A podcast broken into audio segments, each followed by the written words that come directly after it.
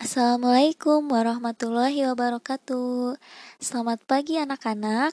Apa kabar hari ini? Semoga semuanya sehat ya. Anak-anak kelas 5D, hari ini kita belajarnya melalui podcast. Anak-anak cukup mendengarkan rekaman ini ya. Sebelum memulai pembelajaran hari ini, silahkan semuanya berdoa di dalam hati. Berdoa mulai.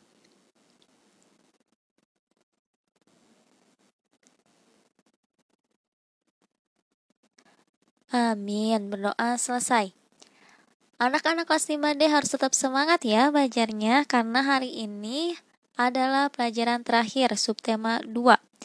Kita masih di tema 8 subtema 2 tentang perubahan lingkungan.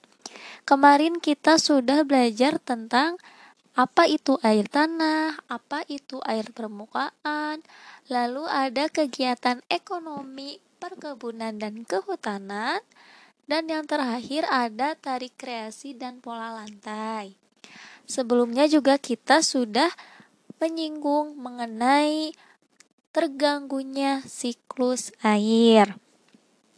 Nah, untuk hari ini kita akan bahas melanjutkan tentang kegiatan ekonomi. Tinggal satu lagi ya, yaitu kegiatan ekonomi di bidang perikanan. Lalu yang kedua kita akan bahas tentang terganggunya siklus air. Kemarin baru sedikit ya dibahasnya, sekarang kita uh, bahas lagi. Kegiatan ekonomi di Indonesia ada dua ya kemarin, ada agraris dan non agraris. Yang agraris itu ada pertanian, yaitu menanam padi, jagung, umbi-umbian, dan lain-lain.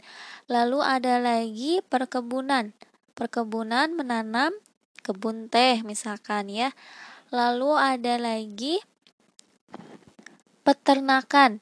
Peternakan itu ada peternakan hewan besar, hewan kecil, dan peternakan unggas. Lalu ada lagi kehutanan.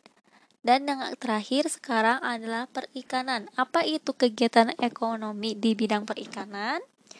Di bidang perikanan ini biasanya e, oleh para nelayan yang di yang ada di tepi pantai atau laut.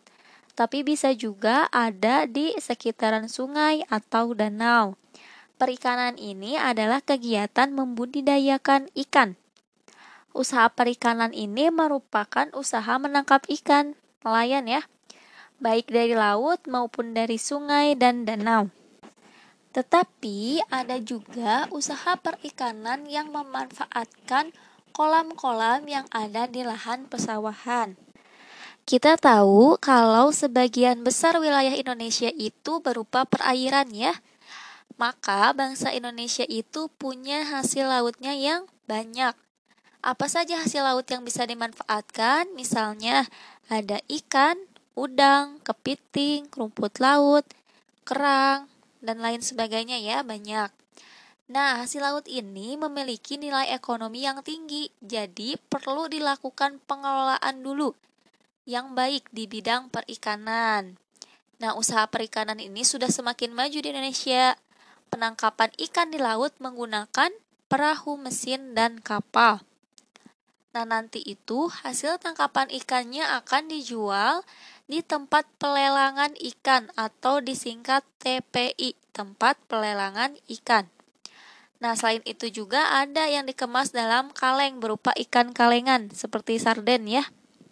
Nah, itu yang di bidang perikanan. Terus kemarin juga kita sudah bahas di bidang kehutanan. Kalau hutan itu harus dijaga, harus dilestarikan. Jangan melakukan penambangan secara liar. Nah, anak-anak silakan baca dulu teks halaman 55 di LKS tentang penebangan hutan secara liar. Nah, dari teks tersebut kita dapat ambil nih, ada banyak akibat buruk dari penebangan hutan secara liar. Di antaranya ada banjir dan juga tanah longsor. Hal itu karena ulah manusia itu sendiri ya, karena terlalu banyak menebang hutan. Terlalu banyak menebang pohon yang ada di hutan. Pohon-pohon yang ada di hutan itu berguna ya untuk kita menghirup oksigen di bumi ini. untuk menghirup udara segar. Coba bayangkan kalau di bumi tidak ada pohon, gersang, panas ya. Namun bukan berarti kita tidak boleh menebang pohon. Boleh saja menebang pohon, tapi jangan terlalu banyak. Nah, kalau misalkan udah menebang pohon harus ditanam lagi. Mulai dari bibitnya, lalu dirawat sampai menjadi pohon lagi. Jadi kalau menebang pohon berani harus nanam harus berani nanam lagi. Penebangan hutan secara liar ini banyak terjadi di wilayah Indonesia, terutama di wilayah Kalimantan. Kemarin sudah disebutkan kalau di Kalimantan itu tempat uh, hutan yang menghasilkan kayu. Tadi kita sudah tahu akibat dari penebangan hutan secara liar. Kemarin juga kita sudah bahas tentang terganggunya siklus air karena penebangan hutan secara liar. Siklus air atau siklus hidrologi atau daur air itu bisa terganggu dengan adanya kegiatan manusia.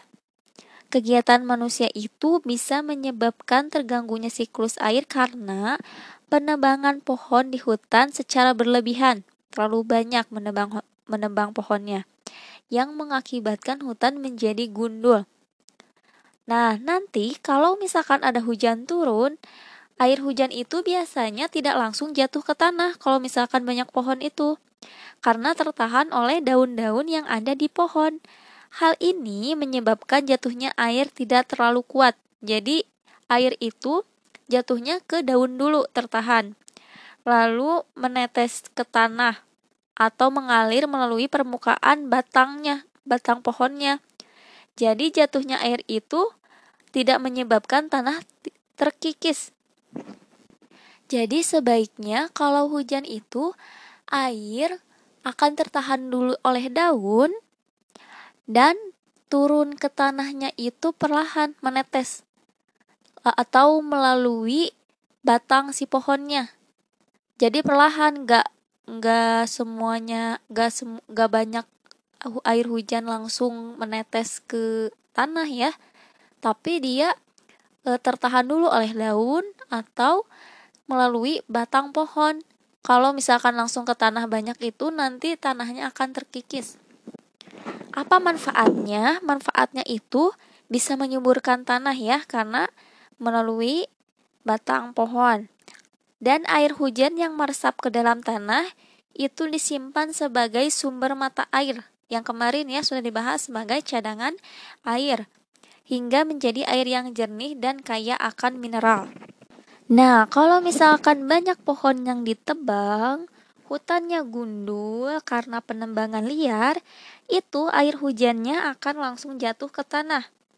Hal ini menyebabkan air tidak dapat diserap dengan baik oleh tanah kebanyakan ya, karena langsung mengalir ke sungai dan danau.